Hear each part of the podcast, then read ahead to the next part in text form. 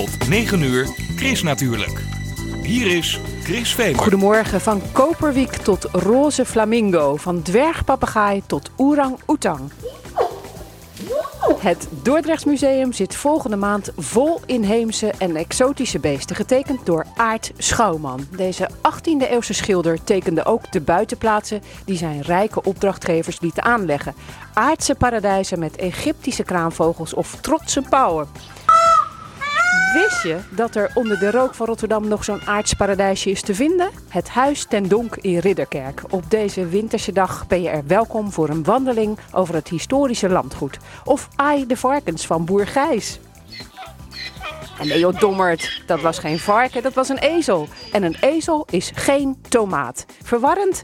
Luister naar de column van Jet Mauro en er gaat je een lichtje op. Licht in deze donkere dagen krijg je van Gemma Venhuizen, die er een boek over schreef. Je hoort er meer over vandaag in... Chris natuurlijk, met Chris Vemer.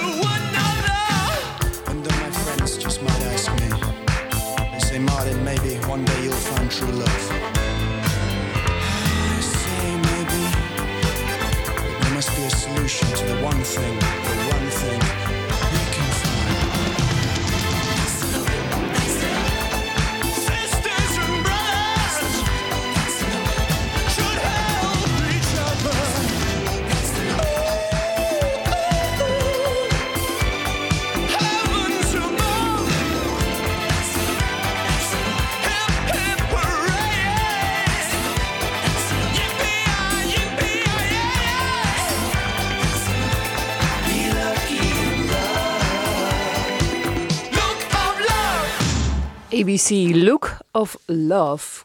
Kunst- en natuurliefhebbers die hebben iets om naar uit te kijken. De tentoonstelling Koninklijk Paradijs met het mooiste werk van de 18e-eeuwse dierenschilder Aart Schouwman in het Dordrechts Museum. Met deze tentoonstelling viert het museum zijn 175-jarig bestaan. Chris natuurlijk die blikt vooruit met conservator Sander Parelberg. Aart Schouwman is misschien niet een naam die meteen een belletje doet rinkelen. Het museum noemt hem dierenschilder.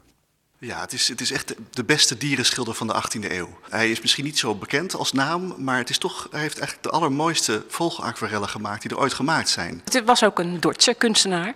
Ja, hij is geboren hier in Dordrecht in 1710.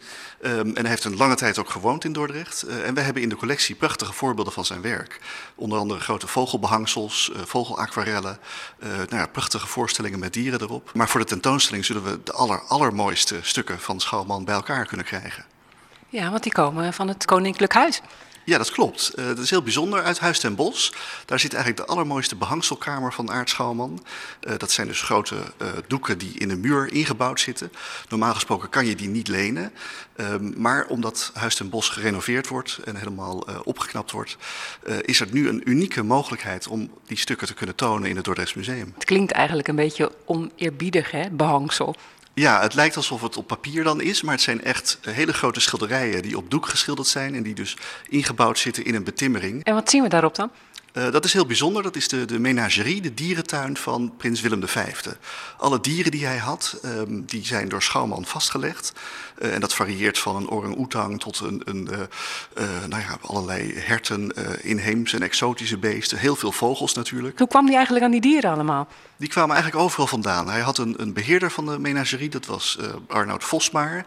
Um, en dat was eigenlijk degene die op zoek ging um, naar allerlei bijzondere beesten. En die kwamen natuurlijk uit verre gebieden. Heel vaak overleefde die de reis niet, maar dat vonden ze eigenlijk helemaal niet zo erg als dan zo'n beest halverwege de reis overleed. Want dan kon dat dus onderzocht worden. Dan werd het opengesneden, werd het opgezet. En het was een beetje experimenteren met, met dieren. Um, maar dat, ja, het is een hele interessante tijd, de, de tijd van de verlichting, waarin eigenlijk. Um, vooral een soort verwondering over de natuur was. Uh, men, men, was dat allemaal aan het ontdekken. Uh, en Schouwman speelde daar een hele belangrijke rol in, want hij was eigenlijk een van de eerste die heel natuurgetrouw die beesten heeft weergegeven. Uh, dat waren eigenlijk de eerste afbeeldingen van hoe die beesten echt waren. soms waren dat wel afbeeldingen naar opgezette beesten, maar toch wist hij een enorme levendigheid in die beesten weer te geven. Maar hij ging dus niet in die menagerie kijken? Ja, daar is hij ook geweest. Hij heeft daar uit uitvoerig zitten tekenen. Uh, allerlei studies, en die tonen we ook in de tentoonstelling, heeft hij daar gemaakt. Uh, en dat heeft hij, heel vaak heeft hij die tekeningen weer gebruikt voor schilderijen en soms ook zijn die in prent gebracht. Die zijn ook in boeken terechtgekomen, dus het heeft ook een, een zeker wetenschappelijk belang wat Schouwman gedaan heeft met het vastleggen van al die dieren van Willem V. Veel van die beesten waren ook voor het eerst in Europa te zien. Uh, en, en Schouwman was dan ook de eerste die die beesten heeft vastgelegd. Ja, en voor wie waren ze dan te zien? Uh, nou, in principe voor, voor de prins. Uh, Willem V die was uh, ja, zeer gesteld op zijn dierentuin. En ook de, dus de gasten die hij natuurlijk meenam, die kwamen daar naartoe. we weten ook dat er bijvoorbeeld heel veel nachtdieren daar zaten. En dan als de prins langs kwam, dan werden die gewoon wakker geport. die moesten dan even gaan bewegen. Ja, zo ging dat in die tijd. Ik denk dat dat voor de dieren niet zo heel erg goed was, die, die dierentuin in die tijd. Maar het is ontzettend interessant om te zien hoe dat toen ging. En wat een enorme interesse men toen in exotische beesten vooral had. Op deze tentoonstelling zal ook te zien zijn, ik moet eventjes de naam erbij houden, de springmuis. Ja, dat is een, een, een bleke kangoeroemuis. Dat is een tekening die wij zelf in de collectie hebben. Die hebben we uh, eigenlijk kort geleden aangeschaft. Uh, en die was dus ook uit de menagerie van Willem V, of eigenlijk uit het, het kabinet van Willem V. Die had ook een soort museumtje waar alle opgezette beesten uh, werden neergezet. en die springmuis, of een springkonijn zoals Schouwen hem zelf ook noemt, dat was ook de eerste die naar Europa toe kwam. heel bijzonder klein beestje, niemand had het nog gezien. en Schouwman heeft die prachtig weergegeven, maar nooit in levende lijven gezien waarschijnlijk.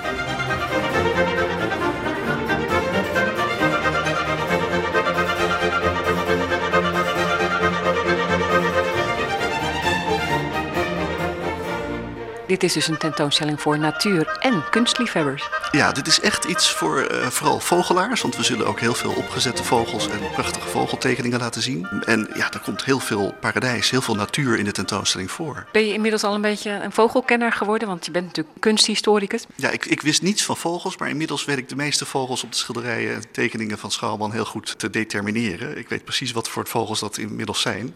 Um, en dat is eigenlijk wel heel erg leuk. Want je begint uh, steeds meer daarop te letten ook. Ook als ik op de fiets naar het museum toe ga, dan zit ik dus vanuit mijn ooghoek te kijken naar wat voor vogels er allemaal zijn. En ik begin ze allemaal te herkennen inmiddels. En dat is ook het leuke van deze tentoonstelling. Je kunt dus straks na de tentoonstelling en daarna met iemand van vogelbescherming mee naar buiten. Ja, we hebben allerlei leuke activiteiten waarbij we dus inderdaad het, eh, ja, ook de natuur een beetje het museum inhalen. eh, en dus informatie geven juist ook over die prachtige vogels en andere dieren in de tentoonstelling.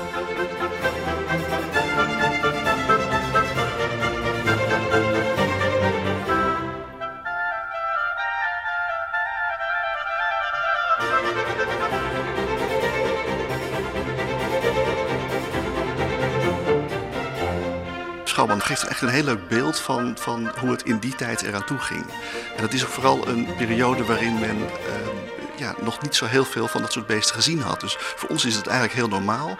Maar je moet je eigenlijk een beetje verplaatsen in de 18e eeuw, die dat fantastisch vond om zoveel exotische beesten bij elkaar te zien op zo'n behangsel.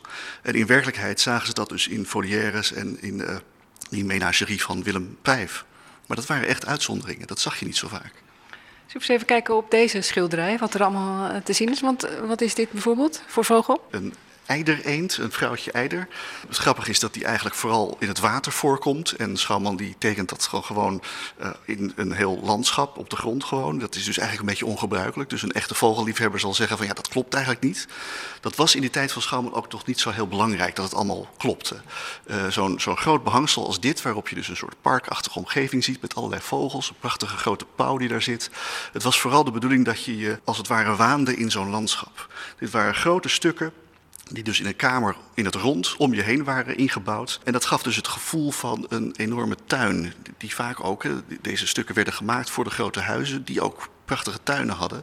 Dus als je daar buiten liep, dan liep je ook echt tussen de, de fazanten en de pauwen door, die je op de behangsels ook binnen dus tegenkwam. Je ziet hier ook heel fraai dat hij dan een hondje weergeeft, die dan ja, een beetje voor commotie zorgt. Dan zie je dat een vogeltje wegvliegt, de aantal eenden worden een beetje opgejaagd. Hij probeert ook altijd een beetje eh, een soort dynamiek, een beetje actie eh, in te brengen. Maar het was vooral de bedoeling dat het een heel aangenaam, paradijselijk geheel was. Waardoor je dus gewoon ja, het gevoel had van, jeetje, daar wil ik graag zijn. En die pauw, die eh, ziet er ook wel aardig uit, hè? Ja, dat was natuurlijk de mooiste uitdaging om de veren goed weer te geven. Die prachtige kleuren. Schouwman werd er altijd enorm om geroemd. Dat hij die kleuren zo goed wist weer te geven. Zowel in zijn aquarellen als op zijn schilderijen. Dus juist die meer exotische vogels, dat was natuurlijk meer uitdaging. Want die zijn vaak extra kleurrijk.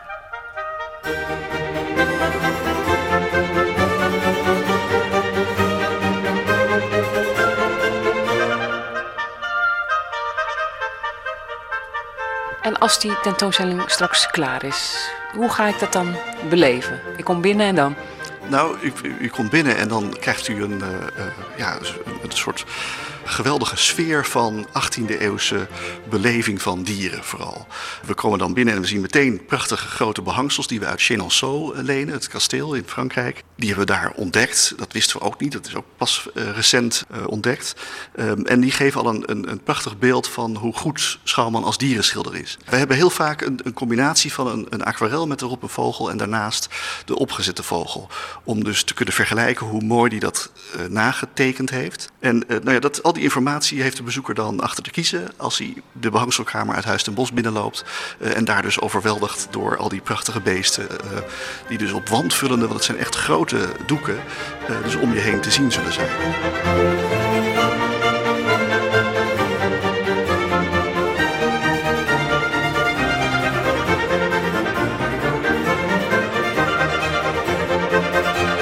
Koningin Maxima die zal de tentoonstelling openen, 18 februari.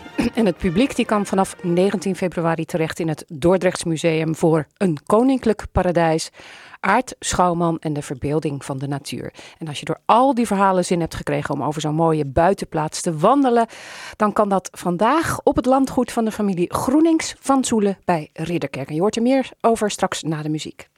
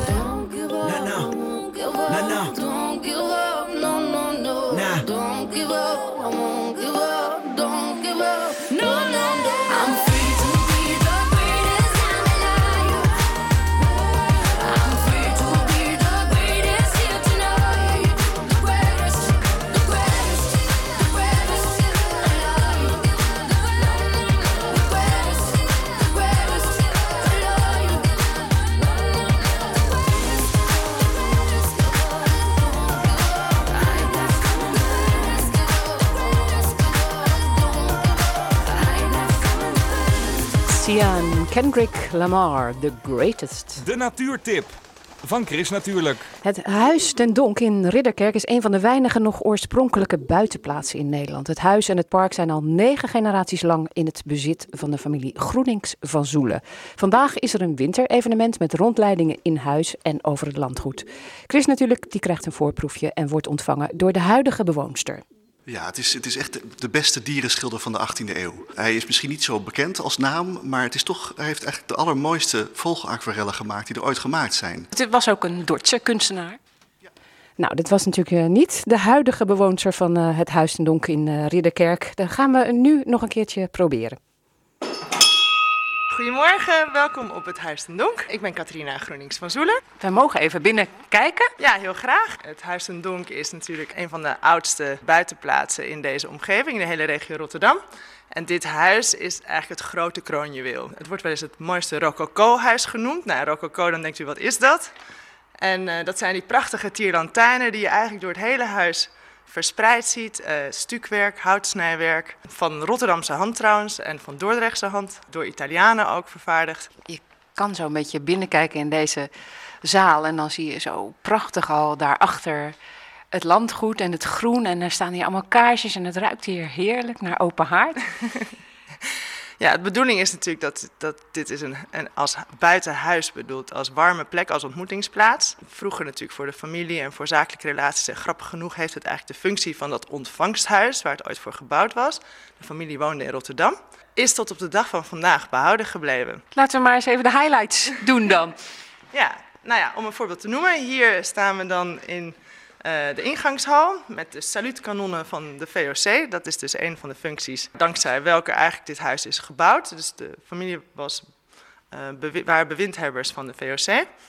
Tegelijkertijd eh, waren het ook eh, burgemeesters in Rotterdam.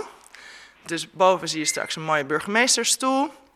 Eh, en eigenlijk wat ook belangrijk is, dat ze aan het hof natuurlijk, de, ja, wat ik vaak zeg als grapje een beetje is, de adel was een soort werving- en selectiebureau voor het hof. Dus daar kwamen natuurlijk de grootmeesters en allerlei soorten functies werden natuurlijk geworven uit adellijke families. Dat waren vertrouwde kringen. Nou, en hier ziet u bijvoorbeeld die mooie arreslee. En die is als dank gegeven voor het ter doopdragen van prinses Juliana. Dus dat zijn even de highlights. Ja, want u zei van nou, ik hoop dat we ook nog even boven iets kunnen laten zien. Laten we dat dan ook nog even doen. Maar ik ben natuurlijk vooral benieuwd naar die prachtige eh, tuin en het park. Ja, nee, dat begrijp ik. Het is ook een geheel. Hè. Het heet ook een ensemble. En zo is het als Rijksmonument ook echt ge- gerangschikt. Dus het huis zou nooit hetzelfde zijn zonder het park. En het park zou nooit hetzelfde zijn zonder het huis. Het is een geheel. En het reikt, wat mensen vaak niet weten, helemaal tot aan de rivier. Als we hier nu kijken uit het raam, dan zien we een, een dijk, hè? Ja, nee, hier sta je inderdaad achter de dijk. Je staat op de donk, hè, het huis op de donk, op de zandterp. Op de droge plek, ik zeg vaak aan de rand van het land en het water. Eh, De trotsering van het water, waar wij Nederlanders zo goed in zijn, dat wordt hier eigenlijk verteld. En vervolgens eh, kijk je straks, als je naar de eerste verdieping gaat, opeens over die dijk heen. Laten we doen. Ja. Eh, en hier langs de trap zie je allemaal schildjes van aangetrouwde families. En wat je dan hier eigenlijk ziet meteen als je deze galerij oploopt, is opeens, oh, daar is de rivier. Met een mooie mast natuurlijk ook, midden in de zichtlijn. Ja, de moderne tijd zie je natuurlijk ook. Aan de overkant zelfs ook wel heel veel wat hogere bebouwing. Ja, de stad rukt op en dat is natuurlijk ook het interessante. Ooit was de- dit landgoed een oase te midden van de polder. En nu is het een oase te midden van de verstedelijking. Dat biedt natuurlijk enorme kansen, maar je moet het ook heel goed beschermen. Hoe is het om hier te wonen? Want eh, vroeger was het natuurlijk een buitenplaats, maar u woont hier echt. Ja, dat is ook echt nodig, want het is een soort inloophuis. Dus eh, er komt altijd iemand langs. En eh, we ontvangen natuurlijk heel veel mensen. En we organiseren een heleboel rondleidingen, allerlei ontvangsten. En ja, fantastisch natuurlijk, want onze kinderen mogen, wat vandaag natuurlijk schaars is, echt in de natuur opgroeien. Het is ook zo dat ons privéleven natuurlijk heel erg ook samengaat met het werk van de stichting. Dus dat, is, ja, dat zijn twee dingen die gewoon eh, in dit huis ook gebeuren. Ja, want u doet er wel alles aan om dit in stand te houden. Ja, dat is wel onze bedoeling. En ik denk dat is natuurlijk ook logisch. Voor, voor mij is het logisch omdat ik natuurlijk nazaat ben van 400 jaar familiegeschiedenis. Eh, maar in principe is het natuurlijk voor ons allemaal een cultureel erfgoed wat uniek is. Echt de moeite waard om te behouden. En ik heb het idee dat ik echt zinvol werk aan het doen ben. Heerlijk hè, dat je er af en toe ook die vloer hoort kraken, hoort er ook bij. Ja, nee, klopt. Er zijn natuurlijk allerlei geluiden en ook inderdaad geuren van de haard. Maar ik denk wat natuurlijk echt uniek is, is dat je hier staat en je kijkt bijna een kilometer door een park. En aan de andere kant, tot aan de rivier, zie je de waterbus voorbij komen. Dat is natuurlijk ongelooflijk 20 minuten van het centrum van Rotterdam. Zullen we naar buiten gaan? Ja. Ja, hier stappen we het vaasvormige gazon op. Nou, de centrale ontmoetingstent eh, die staat al. Ja, want die is er alleen vandaag, dus voor het winter-event wat gehouden wordt. Ja, die is speciaal daarvoor om mensen onderdak te bieden en een soort cozy plek. eh, waar ook muziek komt en nou ja, allerlei hapjes en stands met mooie producten. De varkensknuffelen hier vandaag, ja, die zijn er normaal niet. Nee, de varkens, nou, die hopen we dus op een gegeven moment wel hier te krijgen. Maar boer Gijs, die ook de runderen hier eh, heeft lopen, die heeft, die, ja, die heeft deze prachtige varkens. En ik vind ze zo mooi. Ik zei, ja, die, die moeten we laten zien. Deze bomen hier, die hier staan, zijn dat eh, bomen al die er al van heel vroeger stonden? Ja, en dat zie je natuurlijk door de maat. Hè. Dat zijn, eh, ja, deze bomen zijn echt eh, nou, meer dan een eeuw oud. Dit hele landschap is natuurlijk klei. En veel van de bomen die in dit park hier staan, zouden normaal gezegd het niet zo goed doen op dit soort grond. En toch is er zo'n on- ongelooflijk park ontstaan. Ik zie hier paardenhoofden in de muur, dus dit zal wel ja, het koetshuis zijn misschien. Ja, dit is het koetshuis, dat is een van de bijgebouwen. Eh, er is ook het tientgebouw, dat is ook het gebouwtje wat mensen eigenlijk meteen als ze binnenkomen voor hun zien. Dat zijn bijgebouwen natuurlijk ook functies hadden. Eh, Zo'n landgoed was natuurlijk eigenlijk een soort van zelfvoorzienend, had allerlei functies. En hier waren vroeger paarden, dat hebben we nu verbouwd tot kantoor. En tot een plek waar zeg maar, dus vandaag ook een van de workshops wordt gehouden. Ja, want er wordt van alles gedaan. En helaas, wat wij nu doen, zo'n rondleiding, die zijn gewoon zo populair, zijn allemaal al uitverkocht. Ja, nee, ze zitten echt helemaal vol. We hebben zelfs extra rondleiding ingelast. Maar we kunnen het niet meer bolwerken. Het zijn gewoon, eh, er is zoveel animo. Ja, daar zijn we heel blij en trots op. Maar eh, we hebben wel de mogelijkheid geboden voor mensen dus dat ze alsnog die workshops kunnen doen. Waardoor ze toch de ervaring eh, kunnen krijgen ook binnen. Dus de masterclass opruimen. Eh, je kunt- Opruimen? als je natuurlijk zo'n huis ziet, dan wordt het natuurlijk negen generaties lang zijn er spullen verzameld. Dus ik, en, en deze dame is daar echt een goeroe. En dus dat is nou een ontzettend leuke workshop. En eigenlijk meer om gewoon je leven een beetje overzichtelijk te maken. En zo nou, kun je altijd wat van opsteken. En dan hebben we ook nog een, eh, een masterclass met het schikken van zijdebloemen. Ja, het gaat ons natuurlijk ook om duurzaamheid, hè, lange termijn denken. En zijdebloemen die kun je eigenlijk, nou de, de boeketten die wij hebben van dezezelfde dame zijn 20 jaar oud. We lopen nog een stukje verder over het landgoed. Ja, deze tuin is natuurlijk op een speciale manier aangelegd, in allerlei stijlen. Ja, nee, dat is natuurlijk die stijlen die waren ook wel onderhevig aan trends vroeger. Dus de eerste stijl is eigenlijk die Franse stijl, zo'n hele strenge. Ja, dus dat is wel grappig. Dat is weer anders dan het Engelse landschapsstijl, wat het eigenlijk is geworden en wat nu is hier als een van de oudste in Nederland is behouden. En ja, dat is meer dat idee van zichtlijnen en die kronkelende paadjes, Precies. bruggetjes. Ja, u bent goed op de hoogte. Ja, dit is inderdaad een Engels landschapspark. kenmerkt zich door verrassingen tijdens de wandeling. Dus je wandelt en opeens kom je een hoekje om. En dan, oh, kijk wat een mooie brug. Of kijk wat een prachtige plataan die hier in de, in de Franse tuin staat. En voordat we dan bij dat bruggetje komen, zie ik hier dat gebouwtje staan. Dat is een folly. Dat is dus eh, ja, een, een tuinornament. Ja, net alsof hier vroeger misschien een, een heel kasteel heeft eh, gestaan. Ja. Maar dat is nep. Dat is nep eigenlijk. Ja, het is een kunstwerk. Ik kan me voorstellen dat het vandaag de dag niet eenvoudig is om zo'n landgoed en buitenhuis eh, om dat eh, te beheren. Want hoe doet u dat bijvoorbeeld? De structurele inkomsten zijn het allerbelangrijkst. Maar daar, daar, daar kijken we veel meer naar zaken die we met de gemeente zouden kunnen oplossen. Dus je moet denken aan misschien extra functies die we toevoe- toevoegen aan de randen. Dus het beschermde deel beschermen. De historische wandeling blijft de historische wandeling. En daar waar het zo min mogelijk het landgoed schaadt, proberen misschien iets toe te voegen. Zij het aan woningen, zij het aan functies zoals andere recreatiefuncties. Eh, nou ja, in dit geval hebben we ook een hele mooie ehm, samenwerking met Van Oort en de provincie gevonden om het haventje te herstellen. Dus dat Ja, want er was vroeger dus ook echt een haventje wat hier, bij, waar, waar dus de mensen uit de stad misschien hier naartoe konden varen. Nou ja, sterker nog, de, de, de- het entree eigenlijk was vanuit Rotterdam, waar de familie natuurlijk ook woonde, was eigenlijk altijd de rivier. En eh, ja, nu zie je dat die rivier is enorm in opkomst. Hè. Het is een hele belangrijke ader in deze omgeving. Als je een, een, een pleisterplek, een, een plek om te verpozen zou kunnen creëren aan de rivier... waar mensen dus eigenlijk even afstappen en dan misschien weer door naar de volgende... We maken een wandeling over het landgoed van het huis ten Donk. We hebben net dat prachtige bruggetje overgestoken. Ja, dit is ook zo'n wijd uitzicht wat we hier hebben. Als je hier rondwandelt, dan heb je eerst dus inderdaad die, die paden. En dan opeens komt er zo'n weiland en met van die mooie bomen voor je. En dan zie je een soort stukje donker bos en een open wijd weiland. En dan weer een, een bomenweiland met prachtige bomen. Nou, dat zijn natuurlijk de unieke elementen van dit park. Bent u nou ook een soort boswachter? Dat we hebben een tuinbaas die permanent in dienst is. Dat is eigenlijk onze enige permanente werknemer. En die heeft echt een hele taak om dit natuurlijk, eh, die hele buitenplaats in stand te houden.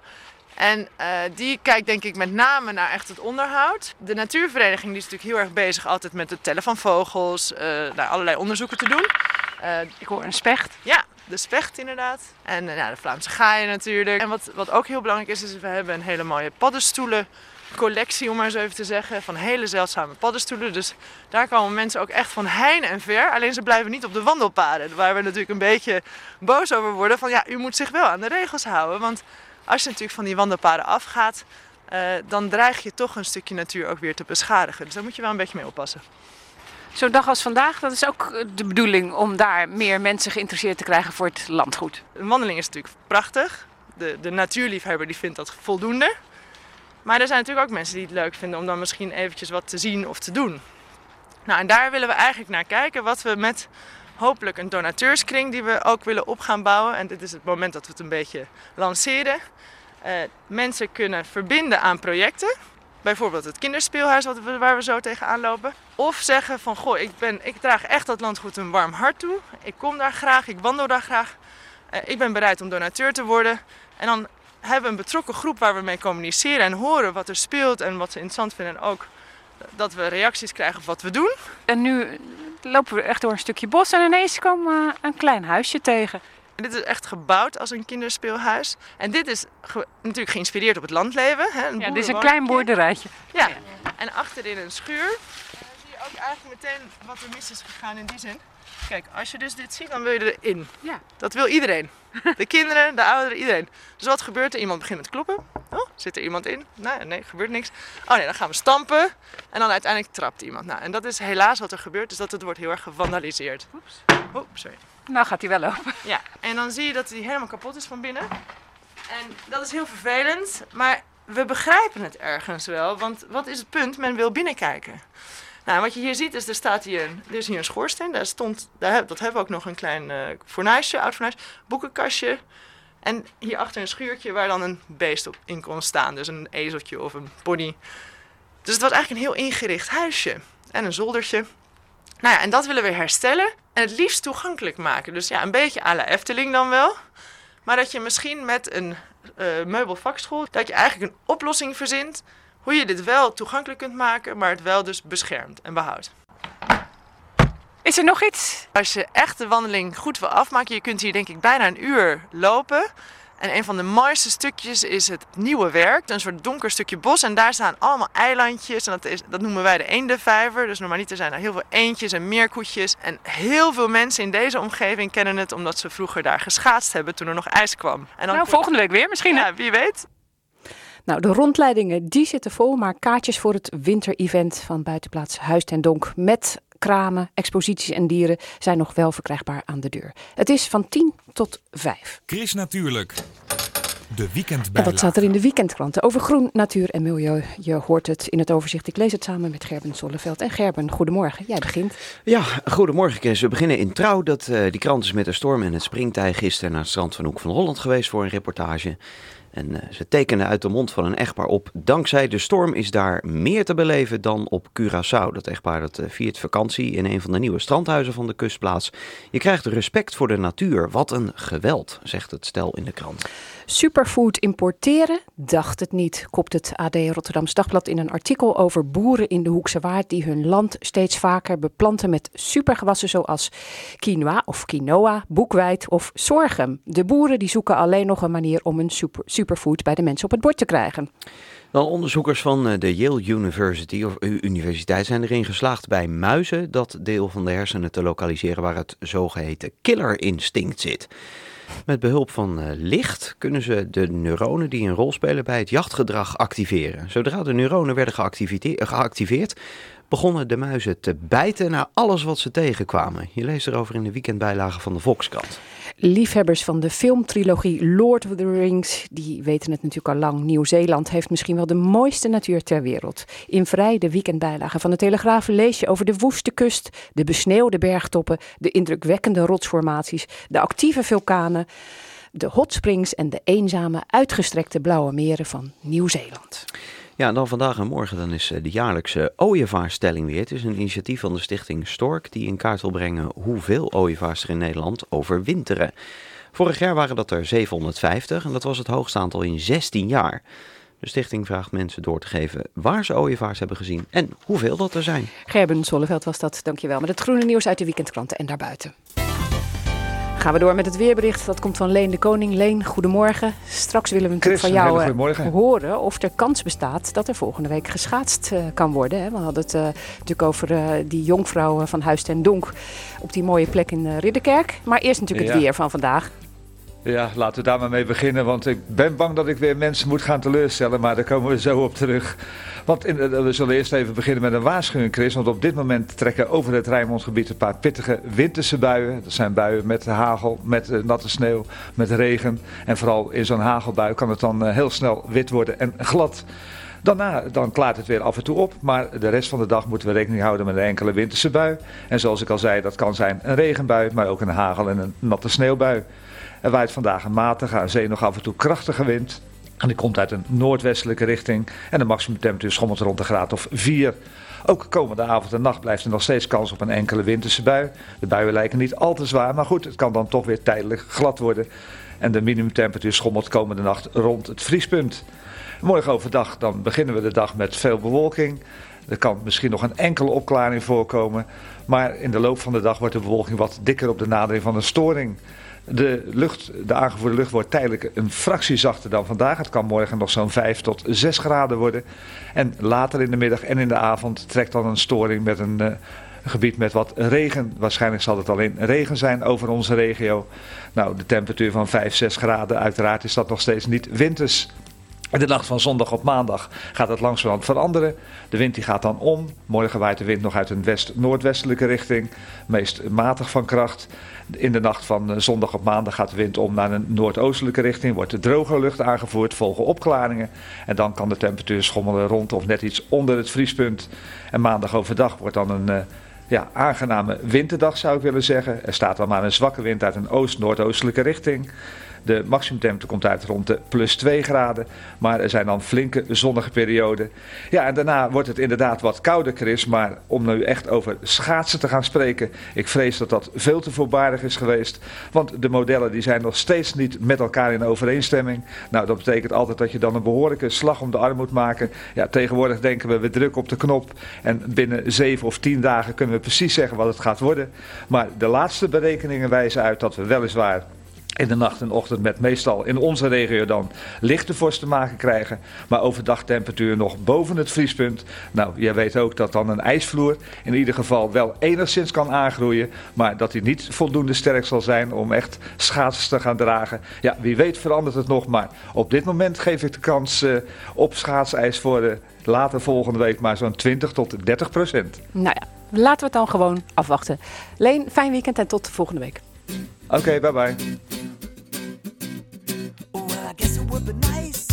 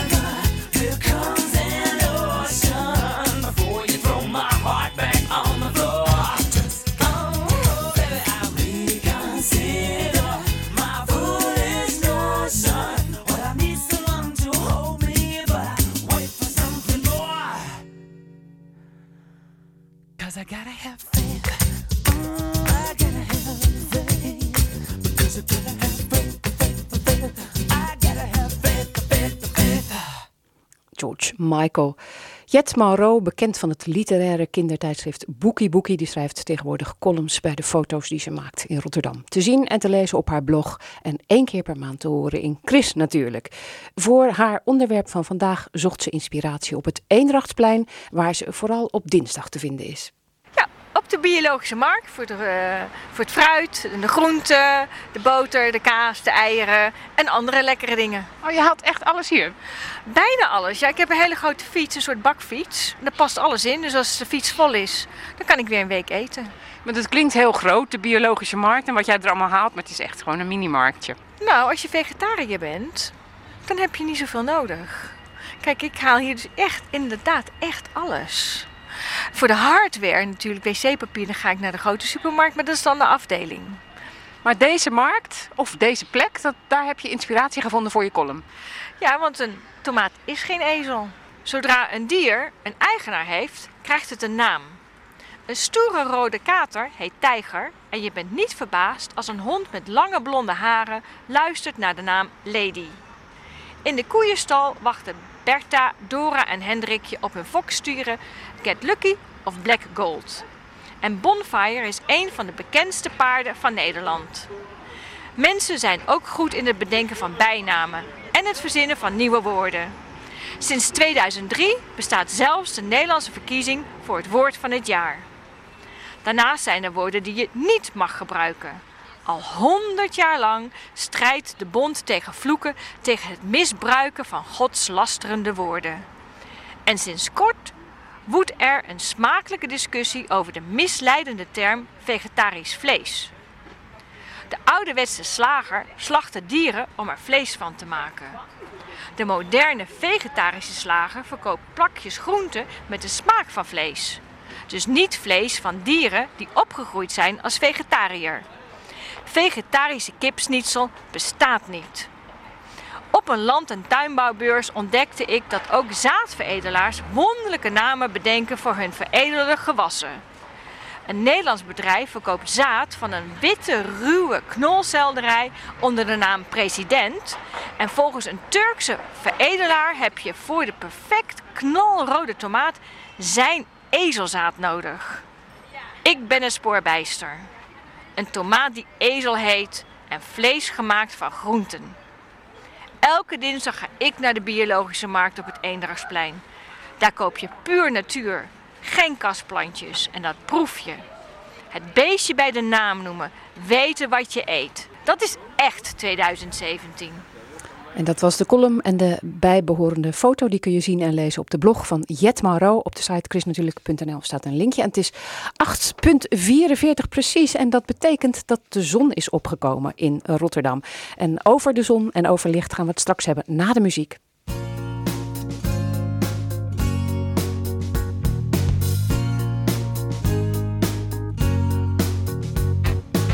She walks in and says, Come on, let's have it. Brings out the worst that you can be. It's a good day for a bad habit. Don't you dare to disagree. She likes to circle on. Cheap ass that thinks he's something groovy. Straight down from church, you wanna bet. She'll play him like some kind of movie. And smokes the last of his cigarettes.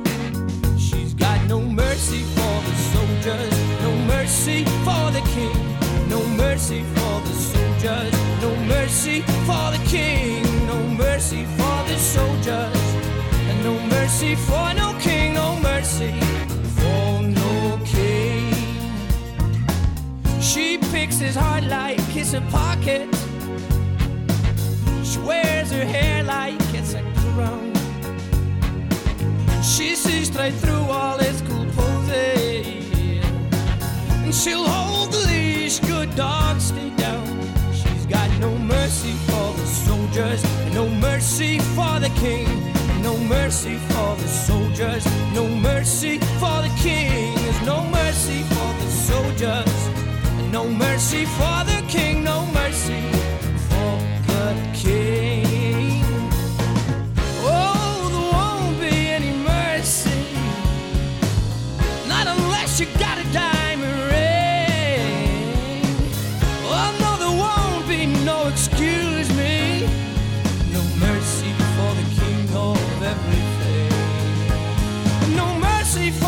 soldiers, no mercy for the king, and no mercy for the soldiers, no mercy for the king, no mercy for no soldiers, no mercy for no king, no mercy, oh, no mercy,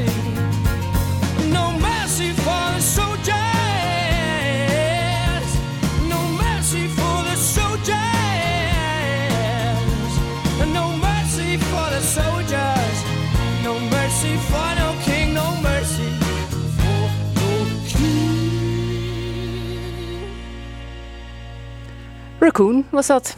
Chris natuurlijk. Lekker lezen. Zonder licht zouden we het boek Licht van Gemma Venhuizen niet kunnen lezen. En dat zou jammer zijn, want voor dit boek heeft de schrijfster onderzocht wat voor invloed het licht heeft op ons welzijn. Daar kunnen we ons natuurlijk allemaal wel iets bij voorstellen in deze wintermaanden waarin je in het donker naar je werk gaat en in het donker weer thuis komt. Maar waarom dat is, dat horen we van Gemma Venhuizen zelf. Gemma, goedemorgen, welkom eh, bij Radio Rijnmond. Het eh, begint natuurlijk een beetje licht te worden, maar jij bent vanochtend ook net zo eh, als ik in het donker van huis gegaan, Ja, gelu- denk ik. gelukkig hadden we de bijna volle maan. Dat gaf toch nog een beetje, Beetje licht. Ja, dit was wel mooi. Ja, eh, want in deze periode van het jaar krijgen we natuurlijk heel weinig licht. Ja, nou, ik, ik, ik sta normaal toch niet zo vroeg op als jij. Dus meestal word ik wel wakker als het al een beetje licht aan het worden is. Maar je hebt gelijk, de dagen zijn kort. Het wordt nog voor vijf alweer donker. En ja, als je een kantoorbaan hebt van 9 tot 5, betekent dat dus dat je nauwelijks het licht ziet overdag. Ja, en jij zegt de winterdip of zelfs de winterdepressie bestaat echt. Ja, nou, eh, en niet alleen ik. Zijn allemaal psychologen hebben er onderzoek naar gedaan. En in Nederland zijn er naar schatting zo'n 500.000 mensen die in meer of mindere mate last hebben van een winterdepressie. Ja, dat was voor jou ook de directe aanleiding om dit boek te schrijven. Jij hebt zelf een winterdepressie gehad. Ja, ik, ik merk sowieso al jarenlang dat hè, zodra het november wordt, november dat is toch mijn eh, minst favoriete maand inmiddels, dan word ik somber, chagrijnig. Nou, dan word ik niet echt een gezellig persoon voor de mensen om mij heen. En, Valt nu toch wel mee, hè? nou, nu, nu, nu zo januari, dan weet je van het, het begint weer lente te worden. En ik ben net ook een tijdje eh, op het zuidelijk halfrond geweest, waar het nu zomer is. Dus dat, is, eh, dat scheelt. En volop licht dan? Zeker, ja. Dat eh 24 uur per dag licht toen ik op Antarctica was. Dus ja. Jij hebt het eh, dus inderdaad zelf ervaren, maar als kind had je er helemaal geen last van. Hoe kan dat? Nou, ehm, als kind, ik denk dat het toch iets te maken heeft met het feit dat ik dol was op buitenspelen. Ik ging weer of geen weer altijd met mijn eh, buurtgenootjes, gingen wij hutten bouwen, weet ik veel, verstoppertjes spelen. En daglicht is ontzettend goed, ook in de winter. Als het bewolkt is, dan vang je alsnog veel meer licht dan wanneer je binnen zit. Ja, dus eh, de meeste mensen, die zei het ook al, hè, die op kantoor zitten, die zitten gewoon eh, binnen en dan krijgen ze niet genoeg licht. Nee, dat, je moet eigenlijk een pauzewandelingetje gaan maken. Af en toe even een lichtje gaan scheppen in plaats van een rookpauze. Ja, dat zou echt eh, helpen. Ja, dat, dat ik, doe het hoor tegenwoordig. Als mijn, als mijn collega's met sigaretten naar buiten gaan, dan zeg ik nou, ik ga wel mee, ook al rook ik niet. Dan... Ja, nou, na jouw winterdepressie kwam je erachter achter dat, dat jij heel erg houdt van licht. Hè, maar dat je er eigenlijk amper iets van wist. Dus dat ben je uit gaan zoeken. Het, het is een eh, heel groot boek geworden. Ja. Een groot boek over licht. En nog steeds weet ik lang niet alles over licht hoor. Jeetje, je kunt hier echt je hele leven aan wijden en dan nog steeds nieuwe dingen ontdekken. Net dat feitje over die muizen en, en licht wat we in het nieuwsblok hoorden. Ja, over het jachtinstinct Ja, eh, dat, dat, eh, werd gestimuleerd dat was door voor mij ook licht nog op te nieuw. schijnen. Ja. Ja. Nee, maar ik, ik dacht inderdaad, het is zo gek. We hebben allemaal met licht te maken, dag in, dag uit. Maar ja, dat is vaak met van die alledaagse onderwerpen. Dan denk je, ja, het, zal wel. Je neemt het voor lief. En pas bij de afwezigheid ervan, dat had ik met licht. Dat ik dacht van, jeetje, wat doet het eigenlijk allemaal met ons? Ja, maar je, je hebt het ook zelfs over wat is licht? Want de meeste mensen weten dat niet eens, gek is- genoeg. Nou ja, en, en het is, licht is onderdeel van het elektromagnetisch spectrum, zoals het dan zo mooi heet. Radiogolven, die behoren daar ook toe. Alleen, ja, die Ja, zijn zoals de ether. Ja. wat wij... eh, ja. Maar, eh, ja, eh, maar eh, het licht is iets abstracts en ik heb geprobeerd om dat eh, te ontrafelen een beetje. Ja, en jij zei van nou, ik eh, heb ook eh, op plekken eh, doorgebracht waar het alleen maar licht was. En toen kwam je erachter dat dat ook weer niet zo fijn is. Alleen maar licht. Nee, nou, dan word je ontzettend manisch. En vooral hè, licht beïnvloedt ook je, je, je slaap-waakritme. En met constant licht, dan wordt je slaapbehoefte gewoon onderdrukt. En met te weinig slaap, ja, dan functioneer je ook niet optimaal. Er is zelfs een onderzoek van eh, Zweedse onderzoekers op Groenland. Die hebben onderzocht dat mensen op Groenland die plegen zelfs vaker zelfmoord in de zomer, wanneer daar constant licht is, dan wanneer het constant donker is. Omdat je dan, eh, ja, het doet dus ook iets met je emoties en je bent veel actiever. In de winter ben je weliswaar somber, maar gelukkig ook eh, ja, te, passief misschien om jezelf iets aan te doen. En in de zomer kan dat veranderen. Ja, eh, over hoe mensen denken en voelen van, over licht. Dat is ook, daar schrijf je ook over bijvoorbeeld hè, in een restaurant. Ja. Kun je daar iets over vertellen? Nou, je hebt eh, verschillende. Wat, wat ik zelf een heel grappig feitje vond, is dat ehm, als je naar het café gaat, wij houden toch vaak van een beetje gezellig licht, warm licht, gelig licht. En als je naar zuidelijke landen gaat, Spanje of Griekenland, dan kom je vaak in een bar waar dan van dat hele fletse, kille TL-licht is. En verschillende onderzoekers die ik sprak, die zeiden ja, dat komt omdat ze in het zuiden verlangen ze naar de koelte. Hè. Ze hebben buiten al die warme zon en, en blauwig ongezellig licht, wat wij ongezellig vinden, dat vinden zij heerlijk. En bij ons is het andersom. Wij, wij verlangen naar wat warmte. En dus willen we van dat warme, gelige licht binnen hebben.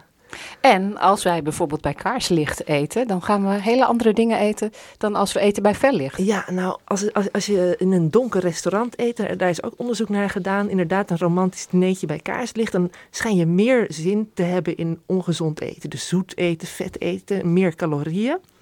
En als je juist in een fel verlicht restaurant zit, dan maak je gezondere keuzes. Wel is het zo dat je dan weer meer gaat eten naar verhouding.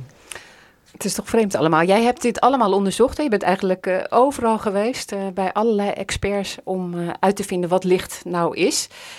Bij wat voor mensen ben je allemaal geweest? Nou, wat ik net al even zei, hè, psychologen die onderzoek doen naar die winterdepressies, maar ook bijvoorbeeld bij dermatologen. Dus die, mensen die gespecialiseerd zijn in allerlei huidziektes. Niet alleen omdat je van licht, van UV-straling, snel huidkanker krijgt, maar ook omdat er bijvoorbeeld mensen zijn met lichtallergieën die niet de ja, zon die in dus echt eigenlijk. licht niet fijn vinden en helemaal eh, aangekleed eh, door het land moeten als ze naar buiten willen. Ja, klopt. Ja. sommige mensen die komen gewoon op een mooie zomerse dag, zitten ze binnen met de gordijnen gesloten, want anders krijgen ze echt, echt ontstekingen, brandblaren en zo op hun huid. Ja, maar, maar soms vertel je echt dingen waarvan je denkt van, goh, hoe is het mogelijk? Hè? Mensen, mannen die vroeg kaal worden, die zouden eh, minder kans hebben op darmkanker later. Wat heeft dat nou weer met licht te maken? Nou ja, eh, waar we het net over hadden, over eh, UV-straling en zo, wat ik net zei, het veroorzaakt huidkanker, maar licht wordt ook juist soms ingezet bij de behandeling van allerlei soorten kanker. Ze zijn nog volop aan het onderzoeken hoor, om, om, maar een theorie is dat darmkanker bijvoorbeeld ook juist weer kan verminderen eh, onder invloed van licht. En als je kaal bent, als je minder haar op je hoofd hebt, dan vang je meer straling op je huid. eh, je maakt meer vitamine D aan. Dat is weer een belangrijke speler in die behandeling van bepaalde ziektes. En eh, ja, vitamine D is sowieso ook weer goed voor de aanmaak van botten, van tanden. Het hangt allemaal heel erg met elkaar samen. Maar eigenlijk kan de gezondheidszorg dus nog heel wat leren over licht. Ja, nou, eh, er is, volgens mij worden er elke dag nog weer nieuwe ontdekkingen gedaan. En nogmaals, sommige van die onderzoeken die zijn nog echt wel staan in de kinderschoenen. En ook, ik ben nu heel erg benieuwd met dat, waar we het net over hadden, dat killerinstinct bij muizen. Hè? Hoe, hoe gaan, ze dat, gaan ze dat nu ook bij andere dieren onderzoeken? Maar, eh, Bij mensen. Ja, wie weet. Dat, eh, Maar bijvoorbeeld zo- zo'n dingetje als eh, eh, als je in het ziekenhuis ligt en je ligt aan eh, de oostkant, hè, met, eh, je kijkt met je raam op de oostkant, dan schijn je eerder beter te worden. Ja, dat is weer, nou ja, eh, wat ik net al zei van licht beïnvloedt je stemming, maar ook je, je slaap-waakritme en zo. En eh, ja, je hebt verschillende theorieën wa- waarom je dan beter wordt, maar het kan zijn omdat je positiever, je zit lekkerder in je vel. Eh, je nachtrust schijnt ook beter te zijn als je daglicht ziet. Ook net zoals mensen die op kantoor dicht bij een raam zitten, die slapen s'nachts weer beter. Dus licht werkt als een schakelaar. Als je overdag voldoende daglicht ziet, dan voel je je dan alert. En s'nachts, als je dan voldoende duisternis hebt, slaap je beter. En mensen in het ziekenhuis, ja, dat daglicht zal invloed hebben. Misschien ook gewoon het zicht op, op groen. Dat, dat schijnt ook eh, positief Ja, te dus het is nog wel ja. meer dan alleen licht. Licht, het gaat ook over donker natuurlijk. Het kan bijna niet anders als je het hebt over licht. En Nou begint hier in Rotterdam op 25 januari het Rotterdam Filmfestival. eh, En dat betekent dat er mensen zijn die echt gewoon de hele dag in het donker zitten om te kijken naar film. Wat doet dat met mensen? Ja, natuurlijk komt er van, van een bioscoopscherm ook wel licht af, maar het is veel minder sterk dan, ehm, eh, dan, dan daglicht. Dus het kan zijn dat ze daardoor toch wel vermoeider raken, slaperiger. Ik zou ze aanraden om af en toe tussen de films door dus Even toch even naar te buiten scheppen. te gaan. Ja. Ja. Maar ehm, ja, het, het, het licht, het, het- ook kunstlicht doet wel iets met je. Als je de hele tijd naar een scherm kijkt. Ik krijg zelf dan bijvoorbeeld heel snel last van migraine, van, van eh, over, Flitsen, over eh, ja, van ja. Veel, veel flitslicht. En eh, ja, licht, zeker dat filmlicht, dat is ook wel interessant. Het heeft ook invloed op je emoties weer, eh, afhankelijk van, van de kleuren in. eh, Ja, dus net zoals muziek heeft, heeft ook licht daar invloed eh, op. Nou, ik zou zeggen, lees het allemaal in het boek van Gemma. En ik stuur jou nu naar buiten om wat licht op te vangen, een lichtje te scheppen. Dankjewel voor je komst naar de studio. Lees het boek Licht van Gemma Venhuizen. Het is een uitgave van Atlas Contact, overal te koop voor 19 euro en 99 cent. En er is ook één luisteraar die het boek kan winnen. 010 436 4436. Dan maak je kans. En daarmee zijn we aan het einde gekomen van Chris natuurlijk. Een programma van Chris Vemer, Peter Konings, Gerben Solleveld, Mirjam Wilkens en Danielle Koren werkten mee vandaag. Ik zou zeggen straks veel plezier met muziek voor volwassenen en Johan Derksen. Fijn weekend en eh, ga ook nog eventjes naar buiten. Even wat eh, licht eh, snuiven.